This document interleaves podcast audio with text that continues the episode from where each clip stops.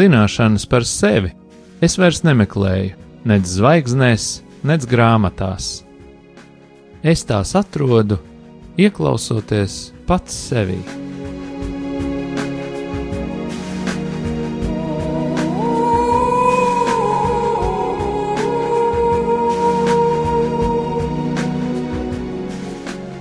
Raidījums Mīlestības terapija top mīlestības mājai, sadarbojoties ar profesionālo pastorālās konsultēšanas asociāciju. Sarunas par sevi, dzīvi, psiholoģiju un dvēseles terapiju.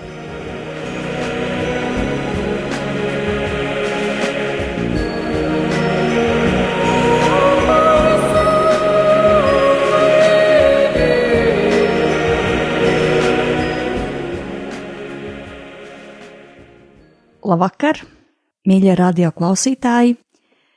Priecājos atkal satikties ēterā ar jums mūsu raidījumā Mīlestības terapija, kurā mēs runājam par dzīvi, par cilvēkiem, par attiecībām, par pasauli, par vīrišķību, sievišķību, audzināšanu.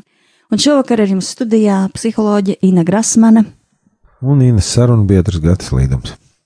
Jā, un šovakar mēs gribam parunāt, un varbūt arī ar šo uz kādu brīdi noslēgt ciklu par vīrišķību. Mēs gribam parunāt par tādu tēmu kā vīrietis un atkarība. Man liekas, ārkārtīgi aktuāla tēma mūsu zemē, un es domāju, ne tikai mūsu zemē, tā ir starptautiska slimība, ja tā drīkst izteikties, un es varbūt varētu ar tādiem diviem gadījumiem iesākt. Un viens ir par kādu jaunu cilvēku. Tajā laikā, jā, un šobrīd viņš ir nobriedzis vīrietis, bet eh, tajā laikā mm, es biju kopā ar viņu tajā tādā atvesļošanās ceļā, un viņš man stāstīja savu stāstu. Viņš ir bijis narkomāns, šobrīd viņš eh, ir ļoti tāds pazīstams cilvēks, varētu teikt, un viņš stāstīja šo savu stāstu, kā viņš bija sācis lietot, un eh, kā viņš bija grimis, un ka viņam bija meitene, kuru viņš mīlēja, bet viņš nekādu nevarēja tur neko ar to savu atkarību iesākt, un viņiem uzstādīja ultimātu vai nu vai nu. Viņš nespēja izvēlēties viņu, jo tā atkarība bija stiprāka, kaut arī viņš gribēja izvēlēties viņu. Bet viņa aprecējās ar citu, un tas bija viņa pēdējais grūdienis viņam. Viņš īstenībā krita ļoti dziļi tajā savā atkarībā. Viņš teica, ka viņš ir piedzīvojis nu, pilnīgi nāvei līdzīgu stāvokli ilgtermiņā, ka viņš mostās, špricējās, mostās, špricējās, nes tur visu iznesis bija ārā no mājām, nu, bija uh, bieds visai savai ģimenei, kas arī bija inteliģenta ģimene, no kurienes viņš nāk. Bet viņš teica, ka viņa pēdējais punkts bija tad, kad uz viņu rokām nomira viņa draugs labākais. No pārdozēšanas viņš nomira tas draugs, un tajā brīdī viņš skatījās uz to draugu un saprata, vai nu es būšu tagad, tūlīt, drīz turpat, vai nu es izraušos. Tā tad ir kaut kāds punkts, kurā cilvēks, nu tas ir pēdējais punkts. Un tad cilvēks atrod sevī nu, tādus pārcilvēciskus resursus, vienkārši rauties ārā. Un tad viņš iet, nu, meklē, izēju, ārstējās, visu kaut ko dara, un šis jaunais cilvēks arī dažādi ārstējās un izārstējās pateicību Dievam un, un, un šobrīd realizē savu dzīvi kā veiksmīgs cilvēks ar ārkārtīgi dziļu sirds pieredzi, nu, šāda veida. Un kāds cits stāsts, kuru mēs piedzīvojām ar manu vīru, ka mēs kalpojām Alberta baznīcā ar iekšējās dziedināšanas un atbrīvošanas kalpojumiem reiz mēnesī. Mums bija tādi vakari, kuros mēs nu, vedām cilvēkus dažādās dziļās, tādās atbrīvojošās lūkšanās, un pēc šī lūkšana vakar vienmēr varēja pienākt un arī individuāli izteikt savu aizlūgumu, mēs aizlūdzām. Un nāca kāda sieviete, viņa nāca ilgi, viņa nāca ļoti regulāri, un viņai bija tikai viena lūkšana. Lūdzu, aizlūdziet par manu vīru, jo viņš dzer. Un mans vīrs viņai vienmēr tikpat pacietīgi jautāja, ko mums lūgt par tevi un viņa atbildēja neko. Aizlūdziet par manu vīru, jo viņš dzer. Un nākošo mēnesi bija tas pats, un nākošo mēnesi bija tas pats. Tas pats lūgums, tas pats jautājums, tāpat atbild. Un nekas nemainījās. Un, nu, es nebrīnos, ka šī sieviete domā, ka mūsu lūkšana ir neefektīva. Bet jautājums par atkarībām ir ļoti komplicēts. Skaidrs, ka līdz cilvēkiem gribas, lai cilvēks atvesaļojas no šīs slimības, bet tas ir līdzīgi kā mēs par paralīzēm runājam. Tā ir tāda iekšēja paralīze.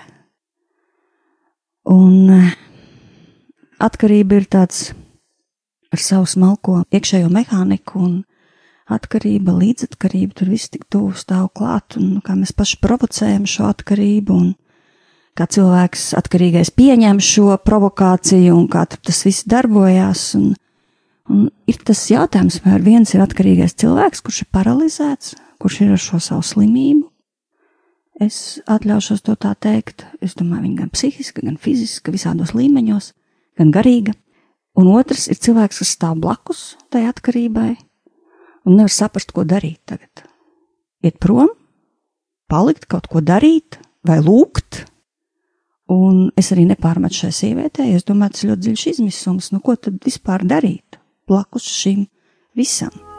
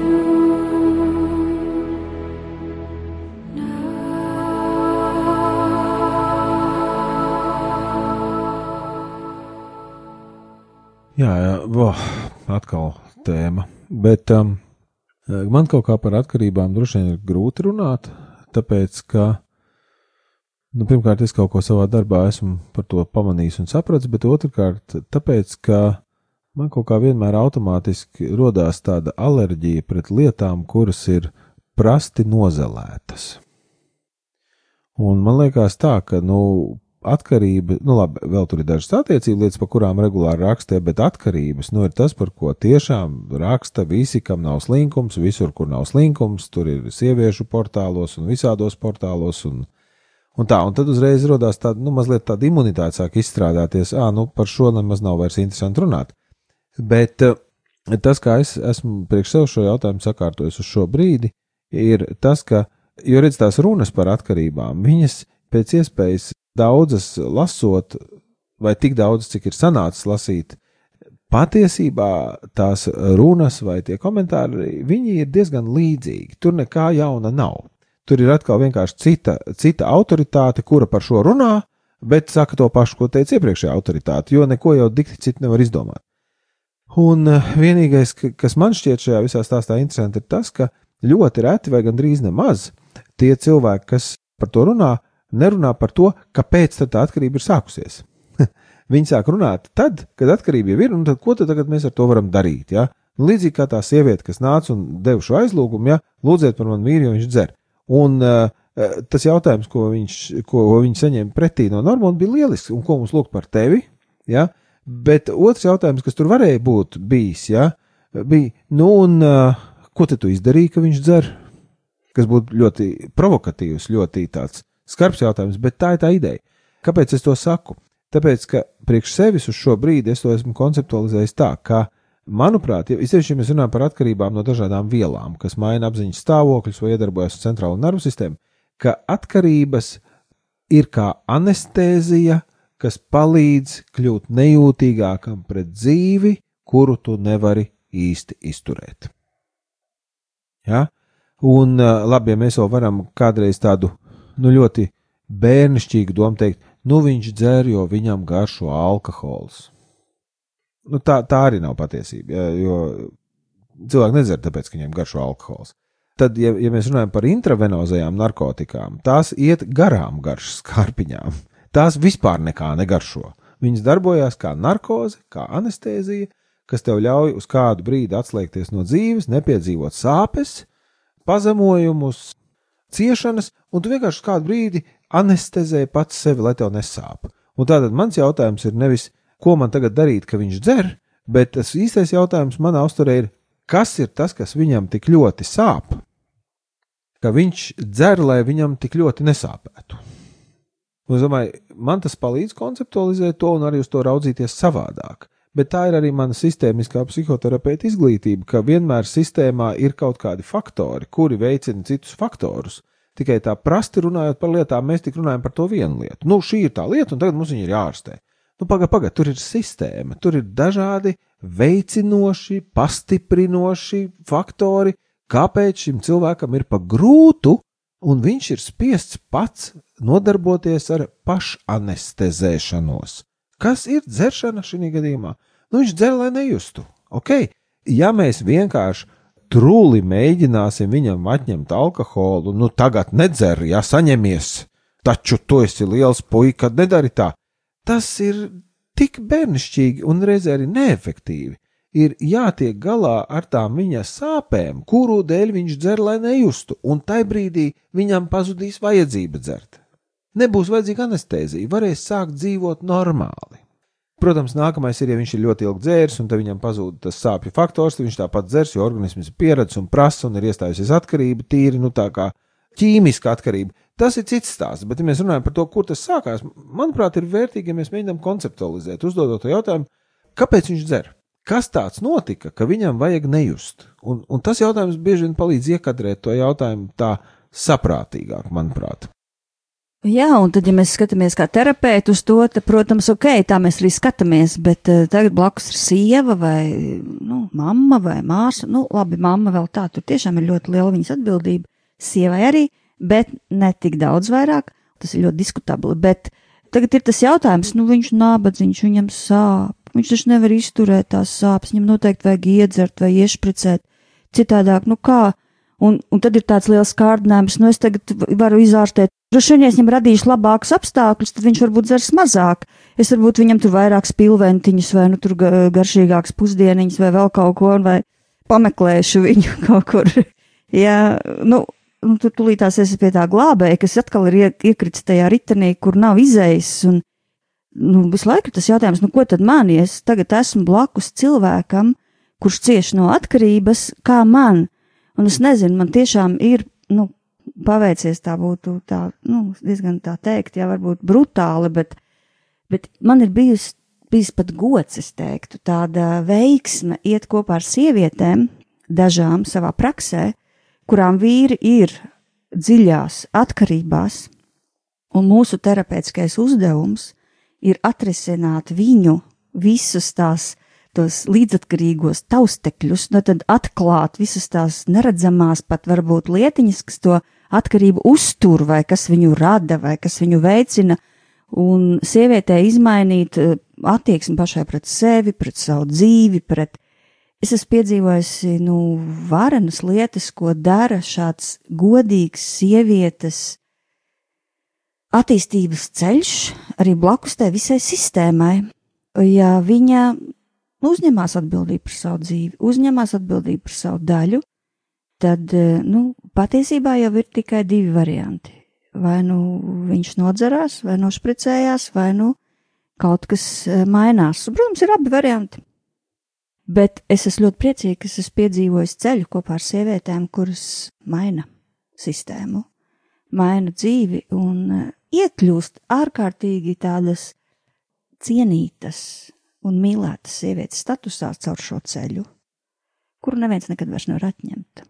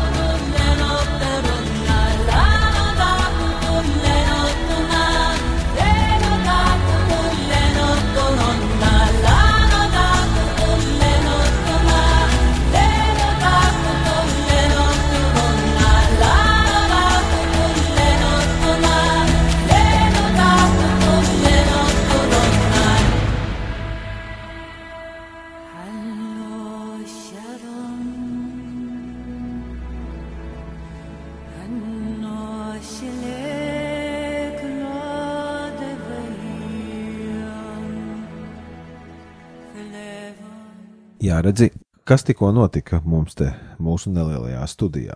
Pieteikumā bija vīrietis un atkarības, un es kaut ko žēlīgi iepīkstējos par to, ka varbūt ir vērtīgi konceptualizēt tos sākumus. Un tagad, tu paņēmi mikrofonu, tu tūlīt aizgāji, nu, bet ko tad darīt tai sievietei? Ja tad atkal mēs iegājām tieši tur, kur visi šie atkarību raksti un atkarību runas, kad mēs nerunāsim par to, kā tas sākās. Tas mums nav interesanti. Un tagad mēs runāsim, ko ar šito darīt un kā no šī tikt vaļā. Un tā Patiesībā viss šī runāšana par atkarībām arī nav nekas cits kā viens līdzatkarības veids. Mēs tagad parunāsim par atkarībām, ko ar viņām darīt. Mēs jau zinām, mēs neko jaunu neviens nav pateicis. Ja? Vislabākie 12 soļi, un, vai 10 soļi, un citiem viņi ir 8 vai 6 vai citiem 20. Ja? Būt vienkārši dari. Ja? Nekā jauna nav, nekā jauna nav, bet pārunāt mums patīk. Bet aizim atpakaļ uz to konceptualizācijas fāzi, kas varbūt var palīdzēt. Redz, teica, jā, līdzatkarība ir tad, kad nu, es viņam tur spilventiņu palieku, un tad tur pažēloju, ka viņš tāds nabadzīgs, viņam tā trauma, un, un tad nu, viņš turpina dzert. Ja? Jā, tā tas varbūt izskatās, un tā tas varbūt arī strādā. Bet, ja tu viņam paliec spilventiņu un pažēlo nabadzīgu, un vēl pienes viņam, es atvainojos, atkorķētu alkohola pudeli pie gultas, kurā viņš lāpa paģirs, ja? tad tu viņam neesi palīdzējusi ne par milimetru remdēt to sāpju dēļ, kuras viņš dzer. Tu viņam esi vienkārši padarījusi dzeršanu patīkamāku. Un es domāju, te atkal ir baigi svarīgi konceptuāli nošķirt. Ja? Līdzatkarība ir tad, kad tu ar savu rīcību padari otram dzeršanu tīkamāku. Bet tas vēl ar vienu neuzrunā jautājumu, kāpēc viņam sāp pašā sākumā. Mm? Un tad, un, un šis varbūt būs tā uz robežas, mazliet herētiski, vai, bet, bet mums ir tāds, uh, nu, manā ģimenē mums ir tāds joks ar manu dzīves biedru, ja, kad paceļās kaut kādi ļoti nopietni jautājumi, kas, nu, ir tādi dzīves svarīgi, ja, tad uh, tas teksts ir aizies uz būdu. Un tas ir no uh, Paula Janga grāmatas būda. Ja. Tā kā varonim tur notiek ārkārtīgi traģēdija, un tad viņam atnāk vēstule no dieva, atnāc pie manis uz būdu, un tad viņam ir tās dažas dienas tajā būdā, kur viņš tiek konfrontēts ar tām sāpēm, un viņš viņas izstrādā, un tad, kad viņš iznāk no būdas, viņš ir pavisam cits cilvēks. Un būdā līdzatkarība nerodās. Jo tā molīgā nēģeru tante, kas ir dievs grāmatā un arī filmā, un, un tā, viņa nenodarbojās ar, ar es tev iedošu spilventiņu, lai tu varētu dzert un žēlot sev vēl komfortablāk. Tā būtu līdzatkarība. Tur tiek konfrontēti viņa eksistences paši pamati. Un viņš iznāk no tās būdas vesels. Un viņš ir pilnīgi cits cilvēks. Viņš pilnīgi savādāk attiecās pret dzīvi, pret, arī pret to noziedznieku, kas nogalināja viņa meitu. Pret, viss ir savādāk. Ja? Un te ir tas stāsts, ja mēs konceptualizējam atkarību kā vienu narkozes vai anestezijas veidu, lai man nesāpētu tas, kas man šausmīgi sāp, un ja mēs esam gana drosmīgi, lai aizietu tur atpakaļ, tad ir jāiet uz būdu. Izmantosim to kā metaforu, kā salīdzinājumu. Ej uz būdu, vecais, tiec galā. Un nevis es tev spilventiņu pienesīšu vai pudeli atkorķēšu. Tik daudz jau no tavas rociņas pašas var izdarīt, ja nu tu baigi gribi to darīt. Bet es tev palīdzēšu ieliet bakā benzīnu, lai tu varētu aizbraukt līdz būdai. Tu tiec galā. Un tas nav mana atbildība tev palīdzēt tikt galā. Būdā tur ir tā atbilde. Jo bieži vien šī trauma jau nav radusi, nu, viņa arī var rasties tieši attiecībās, kuru neizdošanās dēļ, piemēram, kāds sāk dzert. Arī sievietes tā mēdz darīt. Šeit retāk gan statistiski, bet vīrieši no šiem biežāk, ja bēg no problēmām caur pudeli vai atkarībām no ķīmiskām vielām, bet um, šādi tas varbūt ir sācies tajās attiecībās, tad tas ir viens stāsts, bet ļoti daudzos gadījumos tas ir sācies vēl pirms sākās šīs attiecības. Un tajā brīdī jau nu tiešām nevar teikt, sievietei, to es vainīgu, ka viņš dzer. Nu, kaut gan tā mēdz arī teikt, kāpēc es to arī sākumā tā kā tādu nu, provokāciju pateicu, vai ne? Nē, tas ir stāsts par to, ka paklaut tavam čalim jau bija tarakāns, pirms jūs satikāties. Un tas, ko tu viņam var palīdzēt, ir nevis to pudeli pienest vai spilventiņu palikt, bet aizdīt viņu uz būdu. Aizbrauc tur, nezinu kur, tur, kur tu biji, tā kā tev paliks slikti, un tiec to galā. Es, jo es tev nevaru palīdzēt īstenībā. Un tajā brīdī sākās godīgums. Es tev nevaru palīdzēt. Atrodi, kas var. Un tā varbūt lielākā nelaime šajā situācijā ir, ka mēs ar savas labās, vai pārprastās, vai nepārprastās labās gribas gribam palīdzēt tur, kur mēs nevaram. Nu, iedomājieties, ja, kā, ja tev kādam tuviniekam piepieši būtu akūts apendicīts, un viņš teikt, paklausies, nu atgriez vaļā, izņem ārā, nu, nu tev grūti, ko tu darītu? Ja tu būtu Es atvainojos, es tomēr lietošu šos vārdus. Ja tu būtu dumja, līdzatkarīga sieviete, tad tu tūlīt ietu pēc gaļas, nažu uz virtuvi un patiešām mēģinātu atgriezt vaļā tur to vēderu un to aklo zarnu izķeksēt, kas beigtos ļoti bēdīgi. Nu, visticamāk, pacients iet bojā dēļ nesteriliem apstākļiem, un varbūt viņam netur iegriezt, un vispār būtu ļoti bēdīgi. Ja? Atbildīga atbildi ir, ok, es zvanu uz neatliekamo medicīnisko palīdzību, tevi vedu un operē tūlīt pat bet es to nedarīšu. Es izdarīšu to, ko vajag, lai tevi dabūtu tur, kur tev palīdzēs, bet es uz virtuves galda tev negriezīšu aklo zarnu, jo tas nav tas, ko es daru. Jā, es esmu, nezinu, grāmatvedē, skolotāja, vadītāja, biznesa īpašnieks, bet es negriežu aklās zarnas. Nevienam un savam vīram ar nē. Ja tev tur ir problēma, es tev aizgādāšu tur, kur izsaka šīs problēmas. Nu tā, tas arī ir vienpusēji, ko es saku, bet man liekas, ka tā ir tā trūkstošā daļa sarunā par atkarībām, par kuru nerunā neviens. Jo kaut kā nav interesanti, nu neatmaksājas. Visi runā par to, nu ko mēs tagad darīsim. Cilvēks ir atkarīgs, nu kā tad mums nebūt līdzatkarīgiem, un, un kā tad mēs tur tā mīļi un jauki. Nē, nu pamēģinām vispirms konceptualizēt, kā tas tur bija un kas tur bija tie faktori, un tad tie ir jāatrisina. Jo pretējā gadījumā tas tieši tā arī turpināsies. Nu labi, viņš varbūt saņemsies un kā agrāk sacīja, ja, iešaus torpēdu un nedzers tiešām, ja, un tagad slava dievam, vīrs vairs nedzer, un tikai neskapēc viņš visas naudas sācis nospēlēt spēļu automātos. Nu, tagad tā kā lējam un lūdzam, nu, Dievs dod, lai vīrs nespēlē automātos. Bet viņš spēlē, labi, un mēs izlūksim, lai viņš nespēlē automātos. Un viņš aizies un būs atkarīgs no nākamās lietas, jo nav atrisināts tas, kāpēc viņam dikti, dikti sāp. Jo tā ir anestezijas forma. Nu, es nezinu, vai tas atbild uz to, ko tu teici, bet tā es to redzu. Paldies, Gat, par šo interpretāciju, bet tad, atgriežoties pie tās sievietes, nu tad uh, sevis cienošai sievietei mēs sakam, ej prom, jo viņš jau neies. Viņš jau nekāps tajā mašīnā, kurā tu ielējis benzīnu. Viņš jau to negrib. Nē, nē, tas nebija tas, ko es teicu. Patiesībā, nu labi, es neesmu atkarību speciālists, bet es esmu strādājis ar šīm lietām mazliet savā praksē. Nu, ir bijuši gadījumi, kas ir arī veiksmīgi beigušies.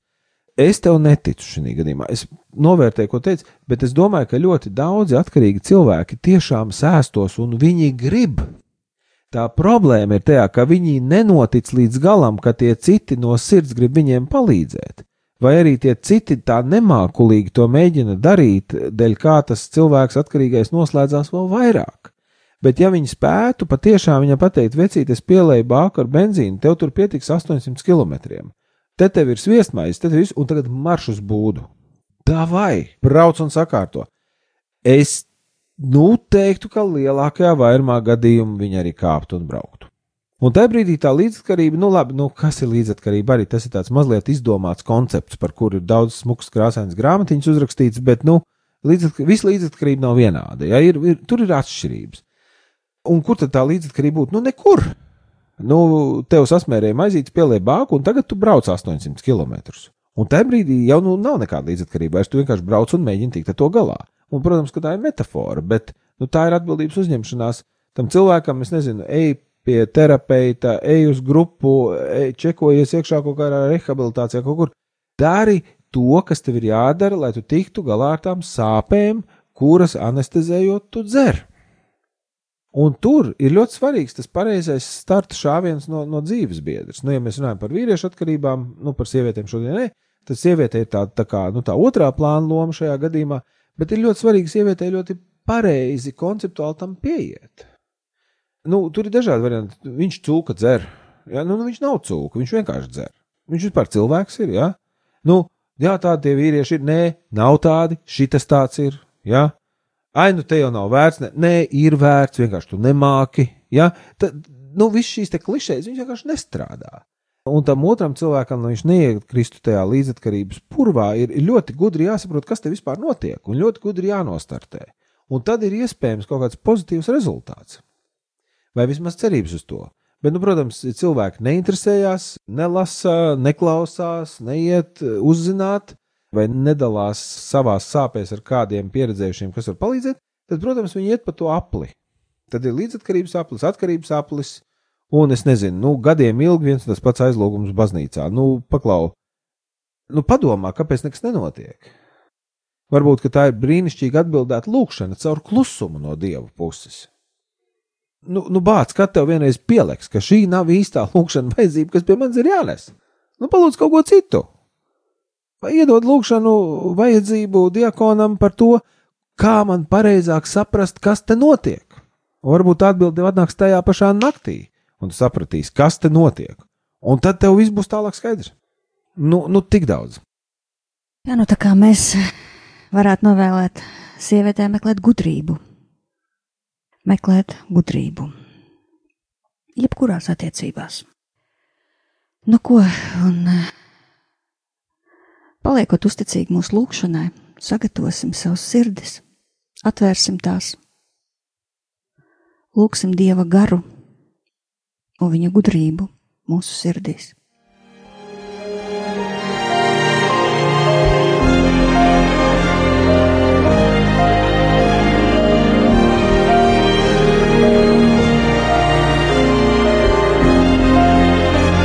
Jā, to mēs arī lūdzam. Gaišu skatu, atvērtu gudru prātu, pazemīgu un uzmanīgu sirdi, saredzēt to, kas ir jāsaredz, lai mēs neizdarītu to, kas mums nav jādara, un lai mēs varētu ļaut darīt citiem to, kas ir jādara viņiem, viņiem pašiem par labu un mums un visiem pārējiem par svētību. To visu mēs lūdzam Dieva Tēva, Dēla un Svētā gara vārdā. Amen!